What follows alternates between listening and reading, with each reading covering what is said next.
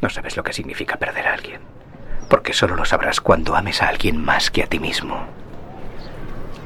Dudo que te hayas atrevido a amar de ese modo. A veces los capitanes rusos viran de repente para ver si alguien les sigue. A esa maniobra la denominan loco Iván. Lo único que puedes hacer es parar en seco tu nave y esperar los acontecimientos.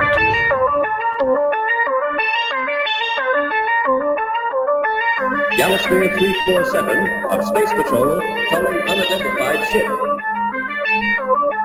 United Space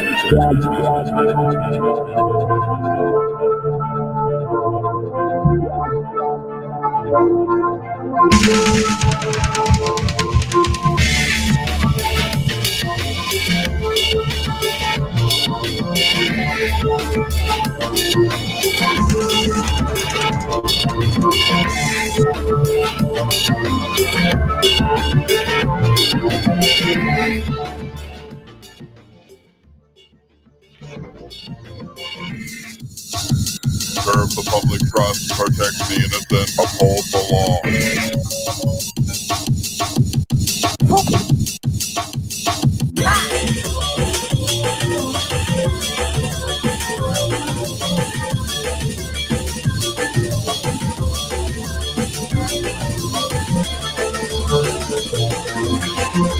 Moi boas noites.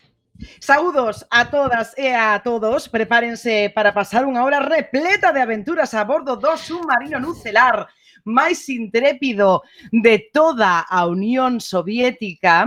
Pensaron que estábamos eh, de vacacións, pero a nos non nos afecta nada desto que está a ocorrer no mundo en xeral. Por que? porque nós xa estamos habituadas ao confinamento, eh, polo tanto, non hai ningún tipo de problema. Iso sí, nos colleu esta, esta fin do mundo por agora eh, moi separadas, a unhas das outras porque non estábamos mm, non estábamos mm, físicamente no submarino, nos estábamos eh, de días libres, así que o estamos facendo dende os nosos submarinos propios, dende as nosas chalanas eh, pero estamos aquí con vostedes. Así que xa saben que nada desto sería posible se non tiveramos na sala de máquinas ao señor Bugalov.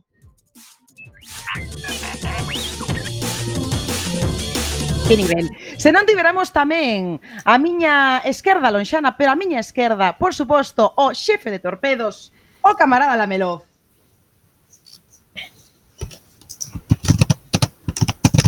O camarada Lamelov está muteado, capitana. Ah, bueno, pois aí está, está, está aquí con Acéndose o micrófono, camarada Lamelov camarada. Bueno, da igual, o camarada Lamelof está, está aquí. Tamén temos, por suposto, o noso intelectual moderno, a ese home que está nalgún lugar gañando aproximadamente uns 20 kilos diarios e o noso querido camaradas Mendrellev. Boa noite a todas e a todos. Home, onde está ahora mesmo Mendrellev? Bueno, non lo di agora porque tamén eh, neste Benres, eh, neste Benres se nos está escuitando en directo, tamén, por suposto, temos a nosa compañeira Teresa Mirova. Tovaris, onde está? Tampouco está. Tampouco está. Ah, Auga. Creo que a Tovarich eh, Mirova tivo algún problema logístico cun pequeno ente co que comparte piso.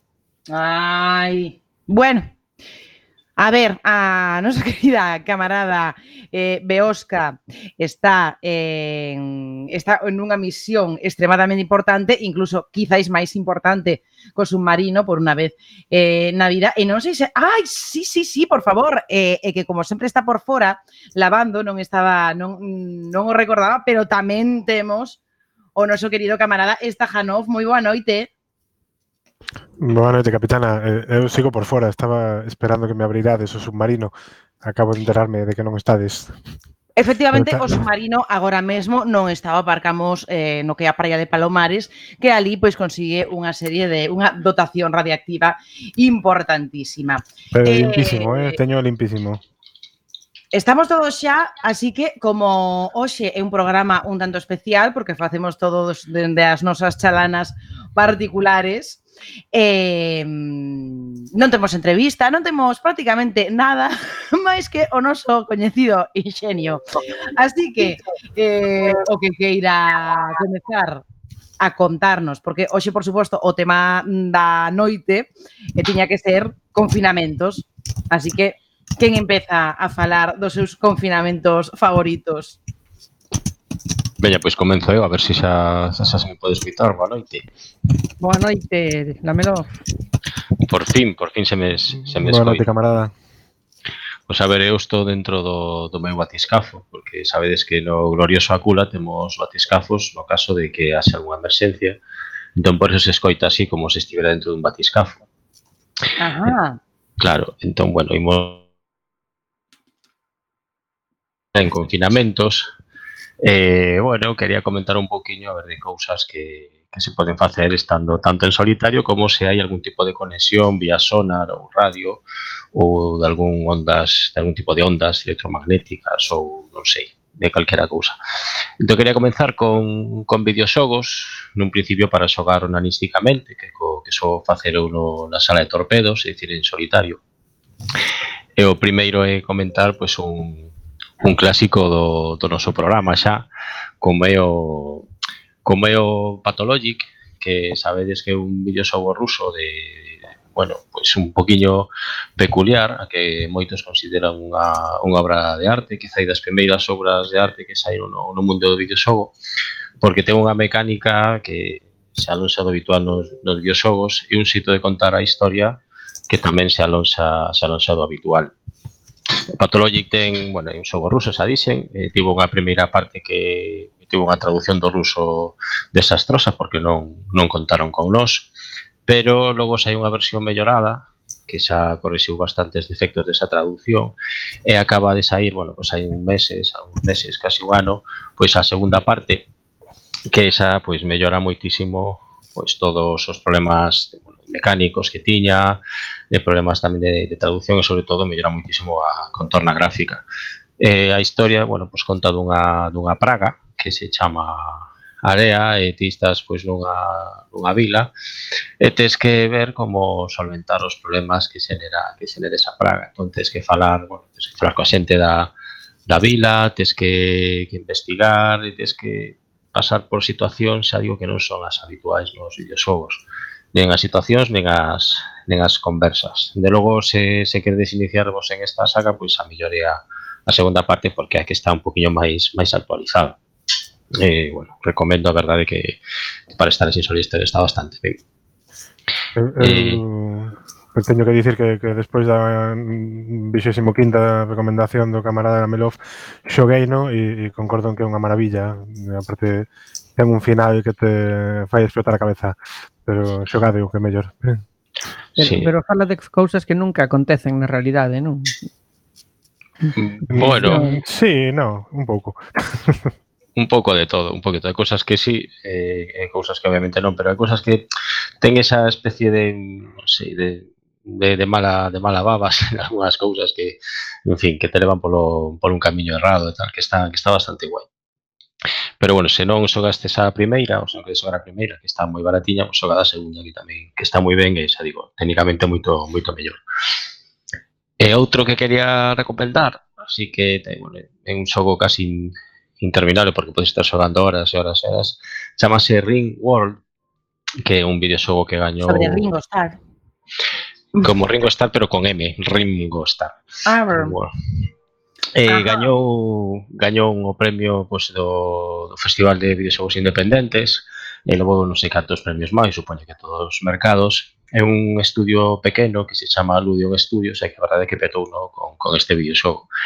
Está baseado ou polo menos copia un pouco o estilo de un videoxogo mítico que se chama Dwarf Fortress, a Fortaleza dos Ananos, que temos algunha xente aí coñecida dentro pois ese, ese videoxogo que estaba metido con, con gráficos caracteres ASCII, é dicir, con, con, prácticamente con letras combinadas facendo debuxos e tal, bueno, pues era bastante potente, bastante complexo.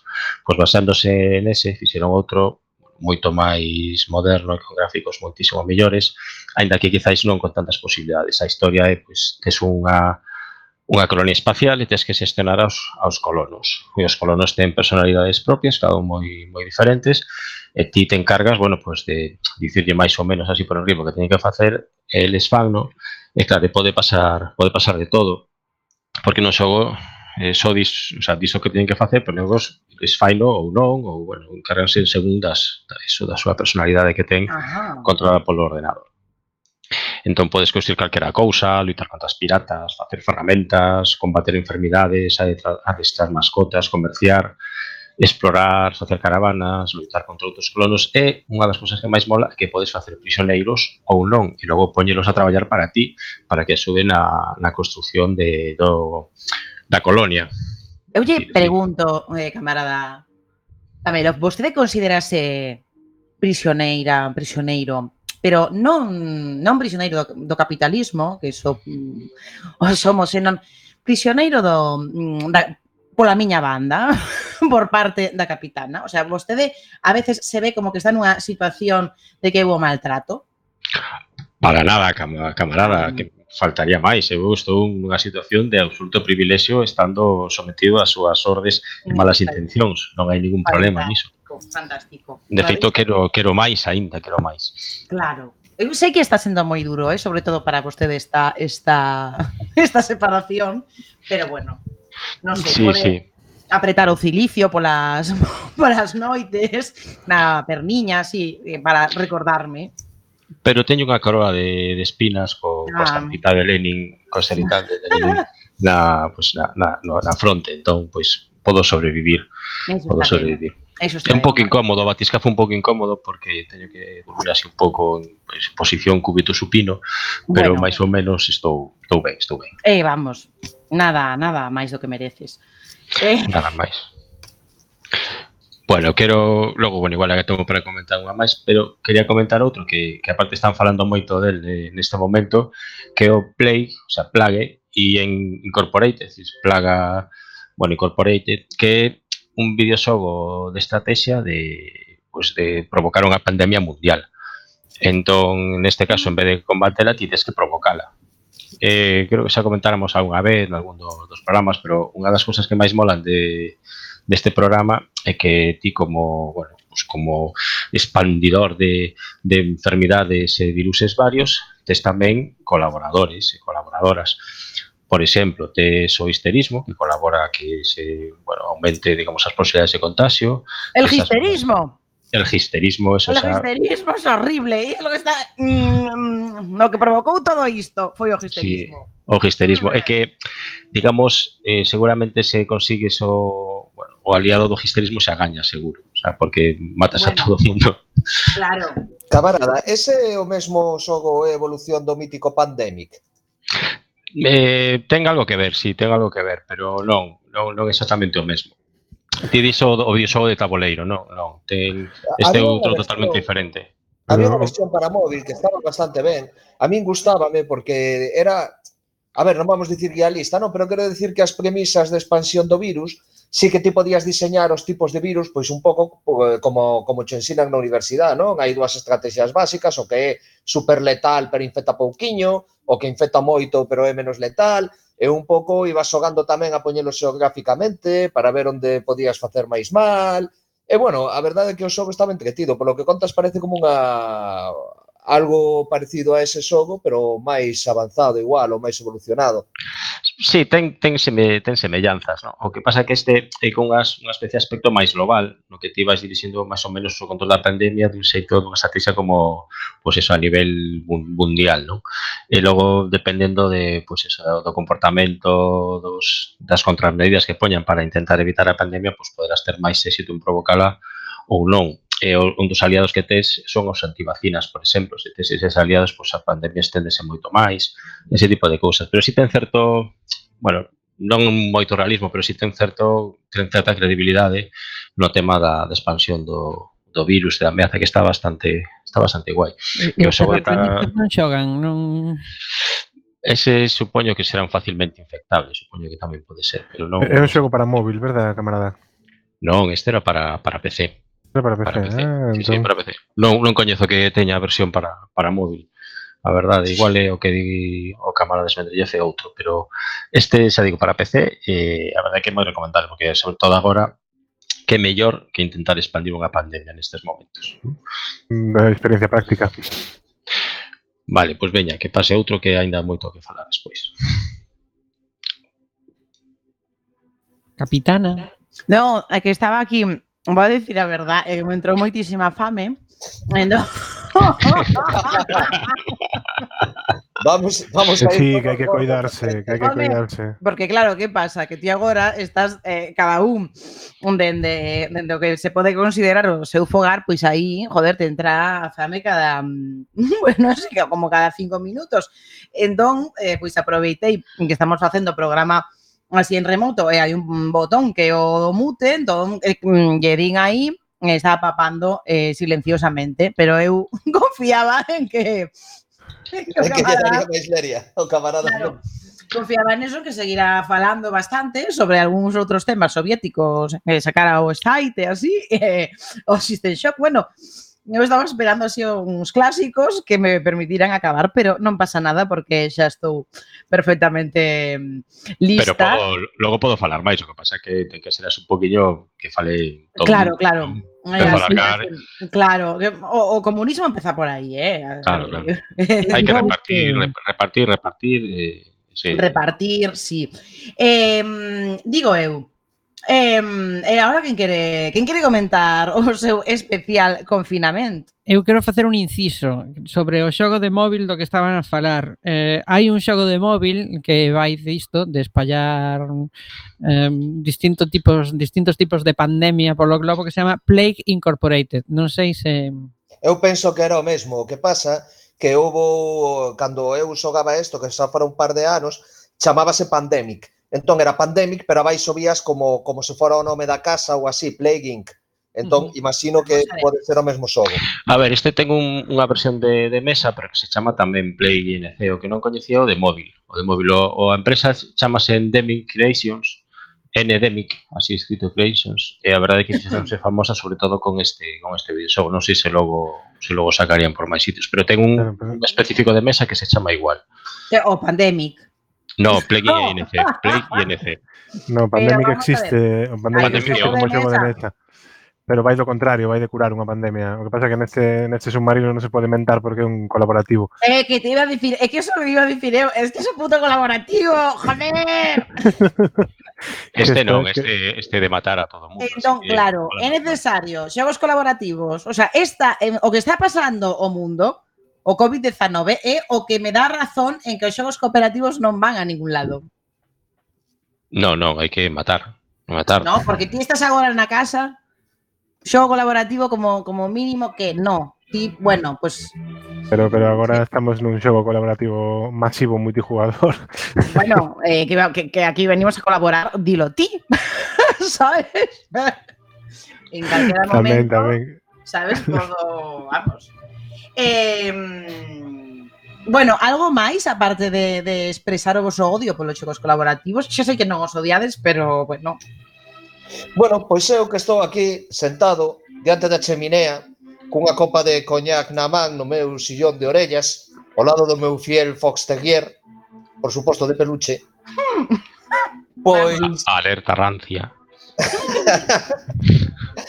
pois levas batín, eh, levas batín. Que a ver, todo este papando tema, con tesa tamén, claro. tema do, do famoso COVID, a min trouxo má memoria moitos libros de ciencia ficción que lera de pequenos que eran basados tamén en pestes e plagas, algún moi moi bons, non? Eh, hai o primeiro, tal vez, libro que se escribiu sobre este tema, foi en 1722, eh, fixo da Foe, o escritor da de Robinson Crusoe, miña nai, casi digo a illa do tesouro, menuda heresía sería esa. Ah, e chamouse o diario do ano da peste, donde eh, flexaba un pouco que pasara 40 anos antes na gran, na gran praga de, de Londres. Non, pero hai moitísimos máis. En 1949, 90, 49, perdón, Robert T. Stewart escribiu A Terra Permanece. Non sei se coñecedes ou se vos sona o título, que, bueno, no. é un clásico da, da época. Non, bueno, pois Debería, porque está está moi ben, está está chulo, non? É, é un clásico de, de ciencia ficción de toda a vida. Hai outro que é máis juvenil, o típico que estaba na edición Alfaguara típica que limos todos cando estábamos eh, no colexio, finales do colexio, principios de instituto, Un mundo vacío de John Christopher, de Samuel Joad, o verdadeiro nome deste John Christopher, que era nome suposto de escritor, un escritor de ciencia ficción británico, bastante catastrofista, que ten un certo parecido pois un pouco co que tristamente está pasando agora, non? Unha plaga que se expande moito, ten unha peculiaridade que chama atención, que parece que pasa tamén co Covid agora, non? Que, que atacaba máis os adultos e menos os nenos. Entón, o que, que mataba pasando é que a xente que quedaba pois era xente moi noviña, non? Sobrevivían un pouco os que eran bastante maiores para pasala, pero non tan pequenos como para morrer el solo fai pouco, en 2010, hai unha moi boa que se chama Ana, de Nicola Manti, que ten a mesma característica, que é profesión italiana da boa, eh, pois que trata tamén de eso, pois morren todos os adultos e a historia de Ana, unha capaza de 13 anos que vive en, en esa Italia posapocalíptica, etc, etc, etc. Pero como pensei que o mellor a xente tamén está un pouco farta de tanto virus e de tanta plaga, Ay, eu máis ben animar a xente a que seguira as súas aficións, vale? As súas adicións. Adicións tamén. A que a siga. A que a siga, a que se deixa, a que se abandone. Claro. Pero aparte das adiccións, tamén se pode dedicar ás súas aficións. Pois, por exemplo, o que lle guste a escrita, e lle guste sobre todo a escrita de fripe, de friquerío, pois eh, gustaría que transmitir unha información dun gran escritor de ciencia ficción, eh, Orson Scott Card, sona vos o nome? Sí, hombre, é o sí, que un... o que escribiu non vai soar, claro. Creo que creo que vive hai pouco a, a, o Estado español a un festival e quixeron botalo, non?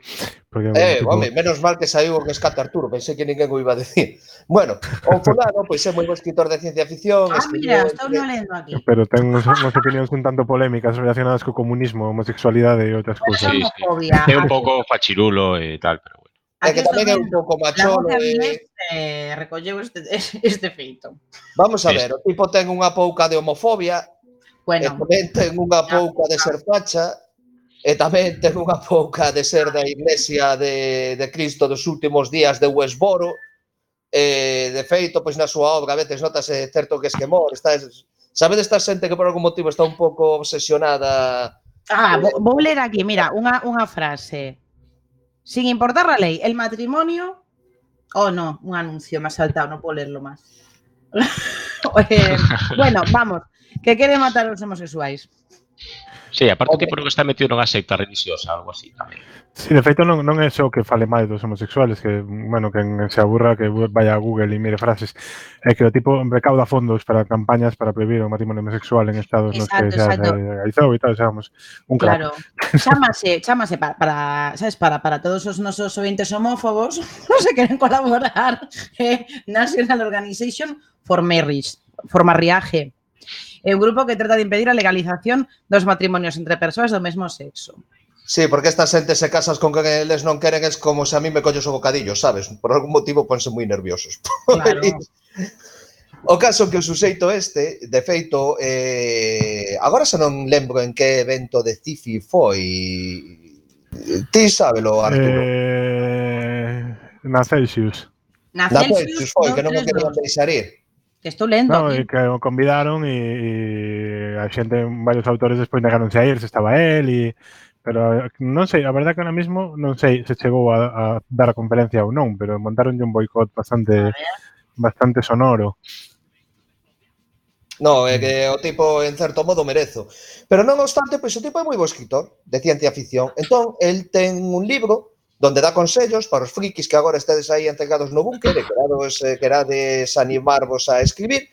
E quero falar concretamente dun capituliño do seu libro e facer un pequeno xogo aquí, que é algo que ele chama o coeficiente MIPA, MIPA, non? Porque el di que todas as historias conteñen catro elementos que determinan a súa estructura e que todas teñen estes catro elementos en maior ou menor medida, non? Entón, estes elementos son, por unha, por unha parte, o medio, que sería que sería a M, non? O medio, o escenario, o entorno, a situación, o lugar onde transcorre a, a historia, sexa físico ou metafórico. Aí vende idea, é dicir, dunha idea central que trata de ser rompedora, que, que é o centro do, do libro ou da novela. Eh, a P ven dos personaxes, eh, e, tamén, por último, chega dos, dos acontecementos, dos feitos, non? Entón, dependendo de cal Pedro predomine, pois saeche un tipo de libro de fantasía ou ciencia ficción ou outro. En realidade, pois sempre se di que realmente as historias que son sempre as mesmas, non? A Escola de Nova York di que todos os libros tratan ou dunha viaxe ou do estranxeiro que chega á cidade. A mí eso case me parece máis ben cuestión do, do xénero de western, non? Pero o caso que sí que na literatura de sci-fi e ciencia ficción, eh, pois hai unha serie como de tópicos que se repiten en grandes obras. Entón, eu diría de verse adiviñamos obras que nos coñezamos de ciencia ficción e de, de fantasía que se adapten a cada un destas a cada un destes puntos. Por exemplo, a primeira de Mipa, non? A historia de medio, o escenario. O medio pois sería o entorno, o mundo, como dixemos, non? O planeta, a sociedade, o clima. Realmente o que máis importante sería aquí eh, sería non tanto a historia ou a personaxe como, como a descripción dun lugar extraño e fantasioso Eu arranco dicindo as viaxes de Gulliver. Veña, animarse aí. Mm, bueno, é espurio, pero Dune. Perfecto. Eh, media novela e eh, describir como viven os, os fremen de marras. Pero... Ai, pois pues non sei. Ai. E ben, ninguén máis. É que quede dormido, camarada, non sei que está Que forte.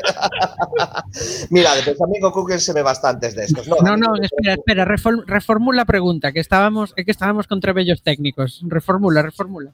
A ver, a cuestión é, pensemos, dentro deste MIPA, que el define os catro tipos de historias de ciencia ficción ou fantasía, hai un que é a primeira, a de medio ou escenario, que eu puxo sí. de exemplo as viaxes de Gulliver. Sí. Non? Donde o que importa, pois o personaxe casi da igual que sea un pouco gelipollas e que non, que non sea moi atractivo, pois o mellor resulta que a historia tampouco ten un argumento moi fiado, pero que o que interesa de verdade é o, é o exotismo dese medio, non? Entón, obras de ciencia ficción inmortais que poderían adaptarse a eso. Dademos de conta que calquera destas grandes obras ten en realidade os catro puntos, non? Para aí un que predomina. E aquí, pois, o, o camarada Stajanov, eu penso como moi acertadamente, citou Dune, de Herbert Uf, difícil, eh? Non a puxaches fácil esta. Non sei, eu diría Crónicas Marcianas igual. Va, pero... Ah, de la Tierra a la Luna? A ver, en realidad boa parte da ciencia ficción máis clásica clásica, non? Dos 50 e tal, non sei, Jack Vance e toda esta xente, era así. Non sei, o de que iba era de escribir un sitio raro, un personaxes que viñan sendo mm, asuntos de Flash Gordon con outro nome, que mm, básicamente iban a ver mm, marcianos e climas extraños. Eh? Sí, eh, de feito a min, se tivera que dicir outra famosa destas, que sobre todo que importa o entorno máis que a historia, diría dúas de Úrsula Caleguin, gran escritora da que xa falamos moitas veces, non? Que me veñen agora a cabeza. Unha sería a saga de Liconia e outra pois sería a de Espera, que penso que Liconia non é de Caleguen e que acabo de cagar. É o que ten que falar. un momento. o directo. Mentres pensa o camarada Esmendrellez, diría, por exemplo, do increíble hombre hombre menguante, que xa sabedes que é un tipo que vai tornarse cada máis pequeno e cando se fixe esa peli realmente o máis interesante era pois, os efectos que tiña de como de como facíase pequeno en comparación co resto dos dos do escenario, non? Sabe, araña, ratos gigantes e todo isto. E outra que podría tamén entrar dentro diso é a cidade dos, dos nenos perdidos, non? que ten un escenario fantabuloso, que pasa que a historia tampouco está mal. Claro, hai que. Pois Eh, fijaremos, eh, perdón, que te cortei, capitana, diga, diga vostede. Ah, no, no, no, no. Que me refiero que sí que hai determinadas eh, novelas, o mellor, eh, incluso a historia interminable de Michael Ende, que é todo ese todo ese ese mundo que se que se crea, pero que non sei se entraría nesta categoría porque realmente si sí ten unha historia moi paralela, non a, a unha historia que tamén ten moitísimo máis peso quizáis que, que o escenario, non o sei. A ver, é que dadevos de conta que calquera grande obra terá un pouco de todo, simplemente nunhas é máis acusado un aspecto e noutras outro. Por exemplo, agora, como diremos máis aspecto, veremos con mellor algunha das que mencionamos encaixanos en, en varios, non? Estou pensando, por exemplo, no, no increíble home, home menguante que, que mencionou o, o camarada Lamelov. Por certo, Heliconia de Brian Aldis... por certo, é fallado. Saiba, saiba todo o mundo, pero os que sí que eu metería nese aspecto de, de Úrsula K. sería O nome do mundo e Bosque, e outro que tamén é moi moi característico dela que é a man esquerda da escuridade porque os dous tratan de entornos moi duros pois que, que definen como é unha, unha sociedade. Pero veña, o seguinte logo. A seguinte é a historia de idea. Idea é basicamente algo rompedor. Un concepto que aparece de pronto pois que, que dobra o evento, non?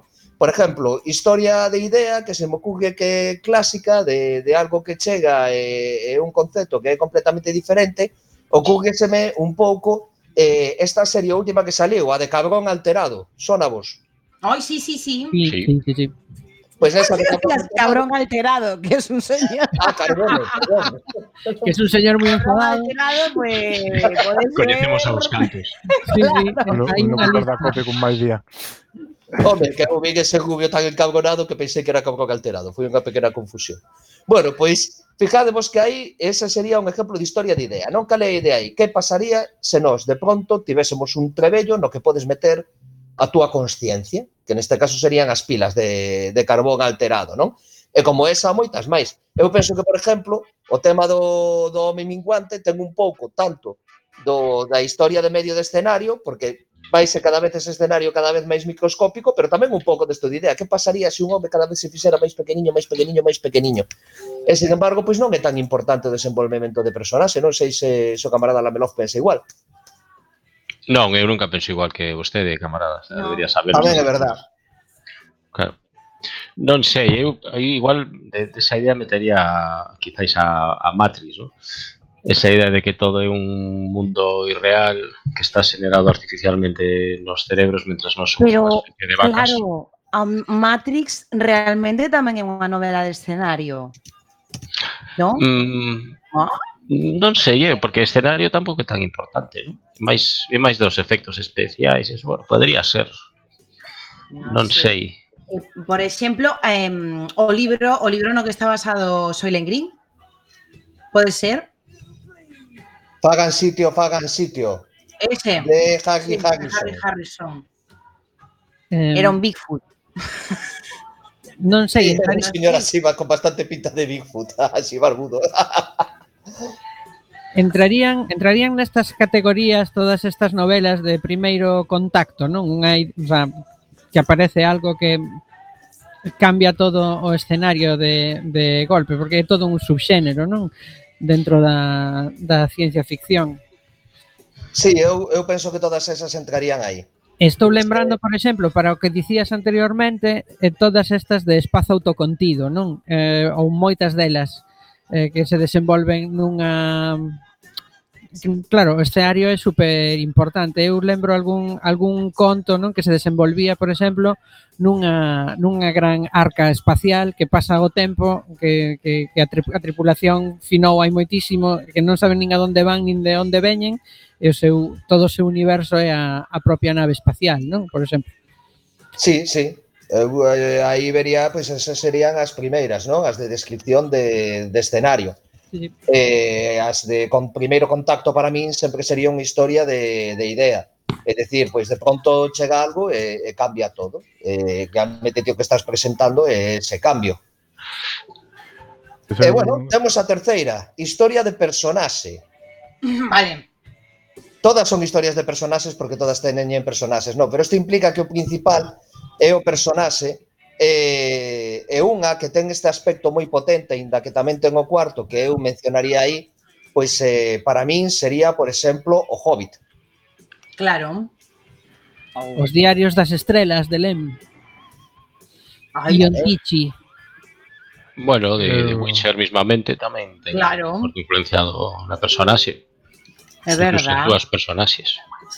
Podes que entindan un linte Witcher, camarada. Teños aí listos, a ver se me poño. Sí. Eu, pues mira, eu estás en el momento de, de leer. Tamén é verdad. Tempo tes, tempo tes para ler os sete veces. Aí non penses, eu teño que ir á fábrica, así que ao final estou confinado, pero son os meus gatos libres. É a peor das situacións.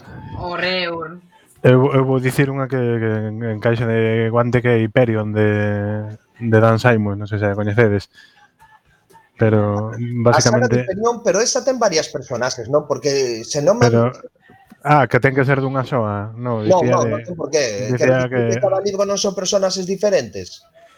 Sí, pero falo do, do primeiro. Eh, bueno, creo que o nome completo é Cánticos de Hiperión ou algo así. Que basicamente eh, son un montón de personaxes que coinciden e se dedican a contarse a vida.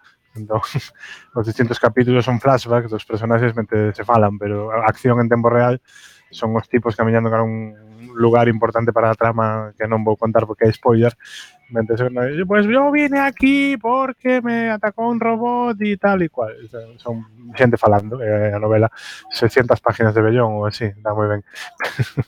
Pois pues, fíjate que eso a mí pareceme moi propio de Dan Simons, eh, porque de feito, a, sabedes esa serie de Tergor que votaron a, bueno, estreouse fai non tanto, eh, que estaba moi ben, está basada nunha noveliña del que tamén basicamente é de personaxes. Cal? O terror. Ah, é, sí, barco. sí. Bueno, eh, gran serie. Sí, gran sí, fixeron unha serie basada na novela del. Sí, sí, sí, o contas así cada capítulo ou cada, cada programa te acordas desa serie, sí. podo, podo recordalo, sí. Pois pues está moi ben esa serie. Eu vina porque como insistías, programa tras programa, pois a cabina vendo. Que te pareceu? Gustouche, capitana? Gustoume moito, gustoume moitísimo, moitísimo, moitísimo, pero eh, claro, a ver, é un pouco como Titanic, ¿no? en plan... ah, Por Dios, é verdad. Sabes que esa xente foi a pataqueira. Xa, sabes que o barco afunde, sí. Claro, bueno, mm, no a fundir, pero vamos, fatalidad. Eh, eu sobre este tema de, de, personaxe, aunque non é propiamente sci-fi, porque eh, novela de terror, pero como xoven eh, siniestra que fun, teño que dicir eh, todas as crónicas vampíricas de, Anne Rice, non? que están basados no personaxe de, de, del Stat, ese fío conductor que, vamos, que maravilloso para min esa, esa personaxe. A min as dúas primeiras das gais da serie vampírica de aparecen má hostia. Bueno, logo desenrou o, o meu entender desenrou un pouco a cousa, pero as claro. dúas primeiras son boísimas. Para ir a outra igual de boa de vampiros eh, comparable a eso, eu iríame a o gordo cabrón, a Martin, o de eh, Sogo de Trullos, que da que non compareza tamén escribiu cousas boas. Entre elas está eh, O soño do febre, Está moi ben eh. esa, concordo. Como? Está moi ben esa, que todo acordou. acordo. É unha novelaza. É unha novelaza, así que... É bueno, que vai basicamente de vampiros no entorno eh, do guío Mississippi a finales do 1800. Mola mogollón. Está moi ben. Ah, pois mira, esa punto. O soño do febre. Non o coñecía, non o coñecía. Non. De Martin, sen ninguna dúbida. A ver, non son gran fan dese señor, entón, non, non te, a verdad. E nada, pois para que matar, o último sería a historia basada de cifi, fantasía, terror nos acontecementos, non? Porque que de acontecementos é que algo é o clásico, unha mestura do camiño, normalmente vai acompañado do camiño do héroe, do protagonista, é basicamente que hai algo tremendamente erróneo no universo que debe ser solucionado. Entón, eh, hasta que se restaura ese orden no universo ou hasta que o universo é consumido, pois desenvolvense os acontecementos. Eu poría aí, por un lado, pois poderían ser o Señor dos Anéis, eh, xa que antes falábamos de do Hobbit, non? E do outro lado poñería eh, a, a saga de Elric de Melniboné, Pois basicamente porque hai unha destas sagas que ya son, son historias de acontecementos, unha acaba ben e a outra acaba pois, pois como acaba. Non, non vamos dar pistas para para que poidan ler a novela. Claro, non spoilers. Non spoilers. Volvía, me estaba aquí porque mm, iba a dicir unha cousa, hai alimentos que a xente non recorda que que son bons, pero que ata que non chega a ata que non chega a pandemia e a reclusión non recordas, non? Eh, eh, mm, cousas que non toda a xente compra, como mortadela con aceitunas, porque... É ovo, é ovo. Claro, eso vai, vai estar aí, eso vai estar aí, entón ti, cando chegas ao supermercado, dis, eh, que podo ir a coller eh, algo que vai coller todo o mundo, por tanto, no, eh, mortadela con aceitunas eh, é bo, entón a miña agora mesmo, pues, claro, xa me pasaran cinco minutos, me estaba dando a fame outra vez. Sí, eh... porque é a mortadela que pon sempre nos entremeses variados. Sí, é moi boa. Eh, por onde vamos agora? Que estábamos... Nada, dixera o último dos eventos que sería a historia de, de acontecemento, non? Pois algo vai moi mal no universo e queda solucionado. Eu penso que esta é a máis fácil, entón igual non dá para moito para moito falar, non? Porque son as historias tipo Star Wars, O Señor dos Anéis, etcétera, etcétera, etcétera. A ver, Mariana, digo... eh, diga unha, diga unha, WhatsApp. Unha, unha, unha destas de, de que hai que arranxar o mundo mundial. Sí. Em, eh, guardias, guardias. Ah, qué pichón eres. Pero bueno, Papa Puerco, ¿no? O sea, puestos a, hacen cambiar de autor. a puerco está moi ben. Igualmente grandiosa. Teño unha sorpresa, eh? Teño unha sorpresa, conste. Ei dicir, Que calma. Non sei, tanto como unha sorpresa, non sei se ah, é tanto. A ver. Hola. Home. Hola, home. Muller, se non lle importa. Bueno, se xa empezamos así, salto, va, sabes, o sea, podo, eu teño, eu podo me saltar, sabes, a min a esta cuarentena eu a podo saltar perfectamente porque son capitana. Eu sou sensible porque veño agotada. A ver, que son a oficial de pandemias eh, e non deixo de traballar nestes días. Así que estou que, que non, non paro, non, non dou abasto.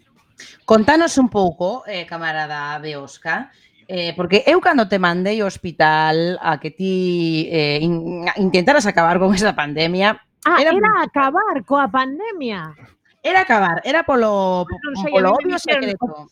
A mí me dixeron oficial de pandemia, se dixen, vale, pois pues pandemia. Era parala. Claro, era para ala, era para ala. Por agora estás facendo, ah, por agora ah, non está. Vale, vale, na, no, no, no, pois nada, xa xa me poño, xa me poño co tema, non se preocupe. Sí, un par de maravilloso traballo.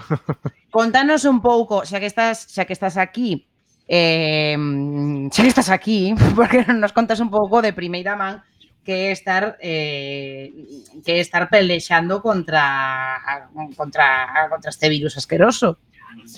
Bueno, eu personalmente pouca cousa, eh, non estou na primeirísima liña, eh, estou nunha estou de misión nunha UCI que lle chaman limpa, entón en principio non, non chega xente con coronavirus, Eh, a cousa está relativamente tranquila porque como non se está operando prácticamente, só as urxencias e eh, cousas así, pois temos unha, bueno, tranquilidade relativa, eh, pero chegará, chegará.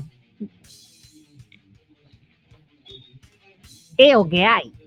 Claro, pero eh, bueno, e a xente que, mm, que, que está realmente pelexando, non, non desmerecendo a túa labor, pero as persoas que, que realmente están aí, quer decir, eh, aquí en, en A Coruña realmente tan eh, estamos en que situación estamos? Estamos.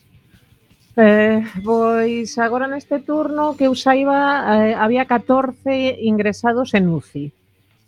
Joder, son moitos, non quero dicir, son poucos, claro que Estamos comparando mm, con, con outras cifras, pero que non sabemos É que a verdade a min escápaseme se eso é moito ou pouco, claro, porque claro. Non, non tendo coñecemento.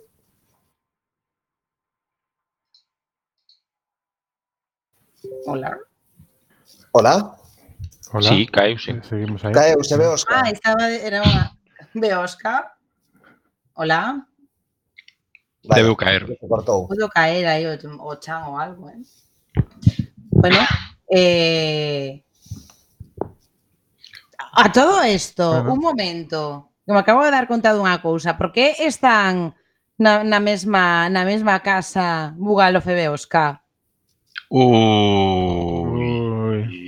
que cousa máis rara. Están celebrando as normas do submarino. Compartindo batiscafo así, co asustadiño que é. Que me estás mm. contando? O sea, que non nos dimos conta e eh, alguén no submarino... Procreou. Bueno, pro, oh, joder, procrear nos daríamos conta.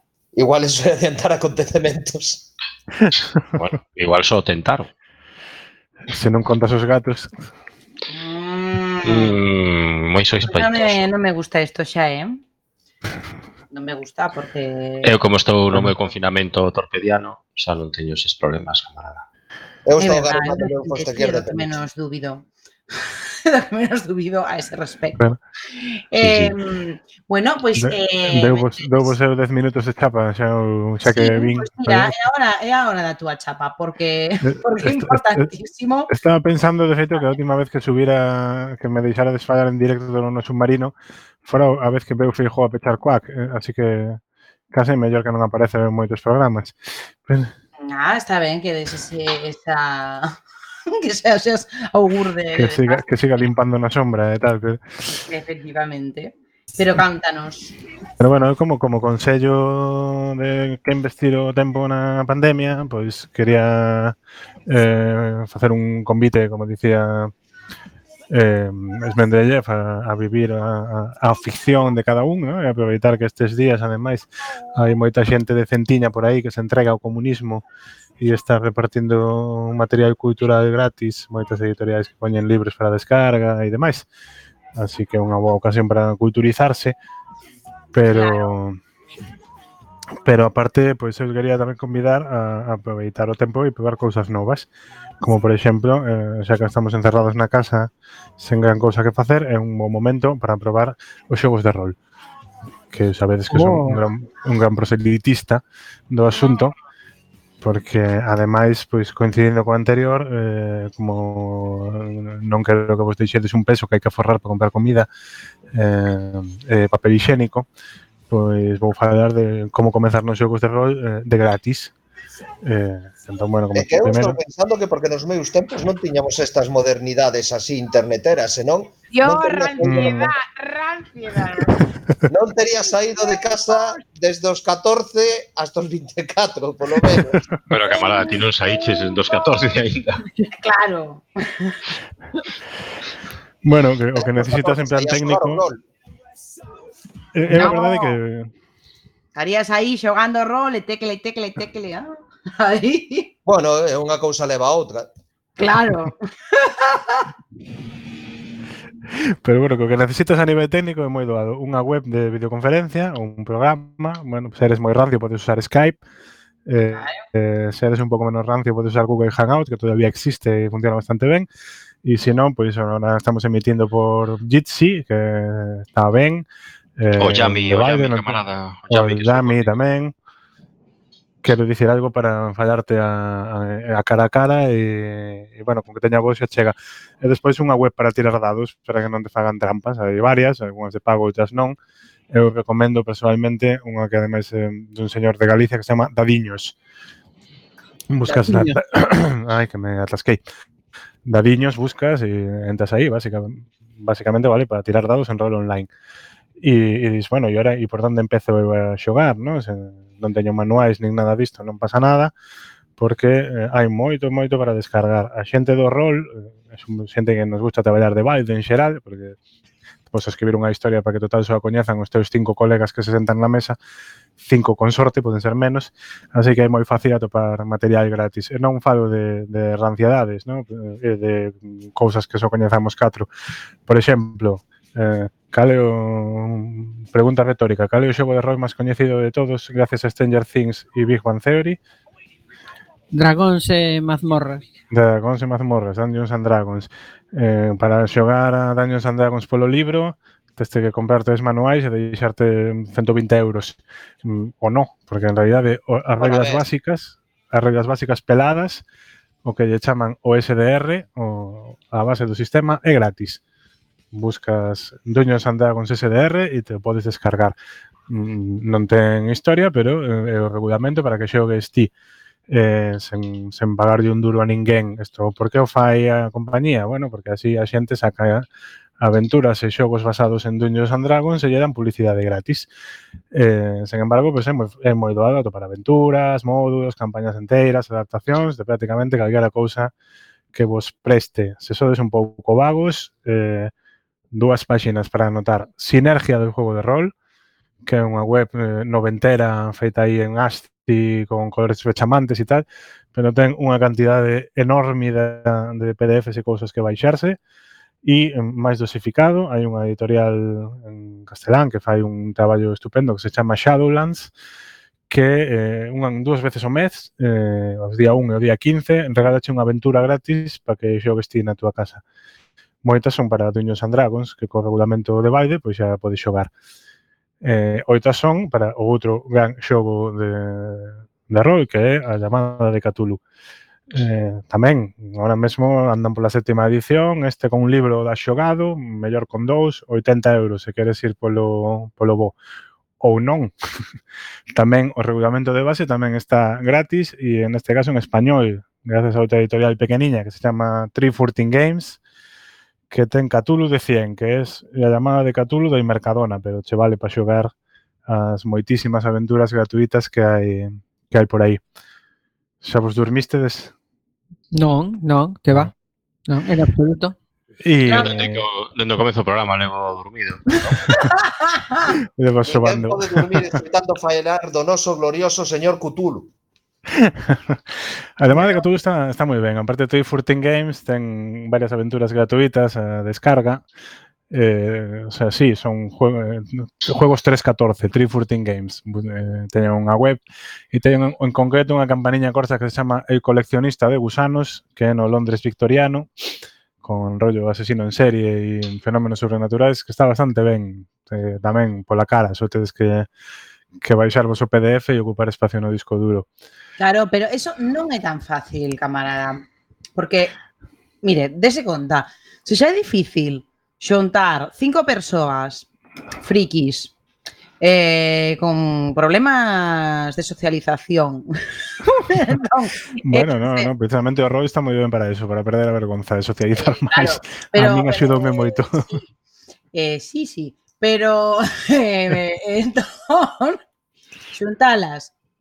Pois se dá conta agora na eh, no confinamento, o sea, sobre todo, non sei, vostede cree que este confinamento vai servir para que para que mm, frikis do mundo se unan máis agora? Bueno, estás en casa sen nada que facer, xa digo, ahora cos recursos online, como decía Moledo, eh, perdón, Esmenderellev, eh, pois xa, é máis, é máis doado que nunca, non? Pero, eh. eh, bueno, podemos, cando, cando saquemos o submarino do taller, podemos probarnos un día, se queredes.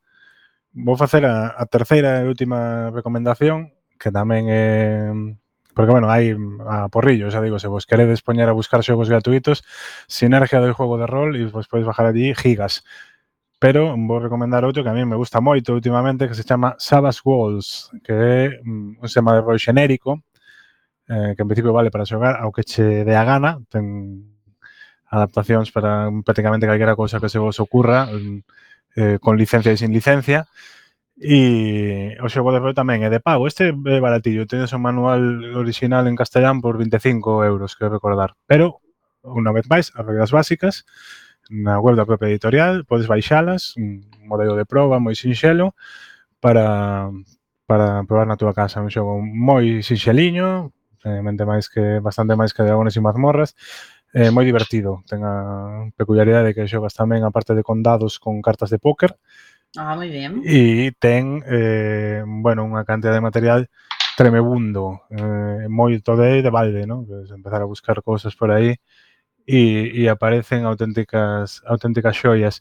Por citar unhas, temos aquí un ten unha comunidade en español bastante activa e aquí ao lado eh, hai un asturiano que firma Frank Kane que produce moito material para este xogo por amor ao arte e que é unha locura de tipo, recomendo buscalo porque en, en concreto ten unha saga propia, ¿no? que se chama mm, La Marco Allada en asturiano, que mm, vai de imaginar que mm, a realidade se construe a base de narrativas. Non? Entón, os escritores son superheróis. Eh, entón, por exemplo, mm, pois... Eh, mm, Pío Baroja e Miguel de Unamuno poden ter un duelo eh, construindo as súas propias as súas propias ficcións. Delirios aparte, eh, recomendamos unha aventura de gratuita súa que se chama bastante velo, eh? Sí, sí. Unha, unha aventura gratuita súa que se chama Tres gorriones negros, que é un western crepuscular, pero ambientado eh, na Guerra Civil Española, na fronteira entre Asturias e Galicia. Maravillosa. Ui, vale, pode pasar de todo. Se queredes, se queredes probala, eh, ofreceme a dirixir un día. Bueno. Wow. Con, con Jitsi e Dadiños temos para, para botar unha tarde. Así que nada, animo xente a, a probar, porque isto soa moi friki, pero, pero ainda, ainda unha vez que o, que o probas normalmente mola. Eh? Ujú. Pois pois, en teoría agora ya, mm, se supón que todo o mundo ia ter tempo. Pois eu non teño tempo, non sei Se como supón. Hombre, agora tempo algo hai. Algo hai. E se tedes tempo e tamén tedes, eh, tedes amizades para aí fora, cousa que eu non teño. Claro, é que iso é importante, eh? Claro, Hai que ter tempo, amizades, alguén que te queira. Claro, pois para a xente, a xente que teña desas cousas Claro. pois eu recoméndolles que xoguen ao Divinity Original Sin 2, que videoxogo do ordenador que ten para xogar en cooperativo ata 4 persoas, pero claro. Pois pues mira, cooperativo unha mierda. No, por que cooperativo? Que manía tenéis os cooperativos? Pero é un, é un videoxogo, é un cooperativo contra un contra mal, matar hordas, claro. Pero non é un xogo de mesa. No, porque por que vou querer eu matar, o sea, matar con xen, mandar matar con vos, no. Me... Matar, eh, bueno. matarvos a vos, a mí eso es lo que me... Eso é o que me gusta. Bueno, este é moi recomendable, xa digo. Aparte son os que están desenvolvendo Baldur's Gate 3, unha compañía de xogos de de rol que está facendo ese, ese mítica, ese mítico xogo que era o Baldur's Gate, pois pues está facendo a terceira parte. E o Divinity Original Sin 2, que aparte permite xogar con Game Master, é máis que recomendable. Creo que xa remata isto, non? Bueno, mira, todo isto eh, Claro, hai unha persoa que eu non escoitei falar moito, que é o señor Bugalov. Hola. Hola, aquí eh, estou. Señor Bugalov, quere dicir algo? Porque eu mm, ás veces digo... Está ocupado ¿eh? sostendo a misión. Claro, vostedes aquí sostendo a misión é unha... Mm, é un debir eh, vital, eh, silencioso seu. Bueno, capitán, aquí estamos nun, soma, nun submarino e eu son o encargado de, da radio e o sonar. Entón, ya, pero bueno, eh, eh te quería dar eh, esta, esta oportunidade. É de formación profesional. Eu estou estou pensando que hai algún xogo con moitas menos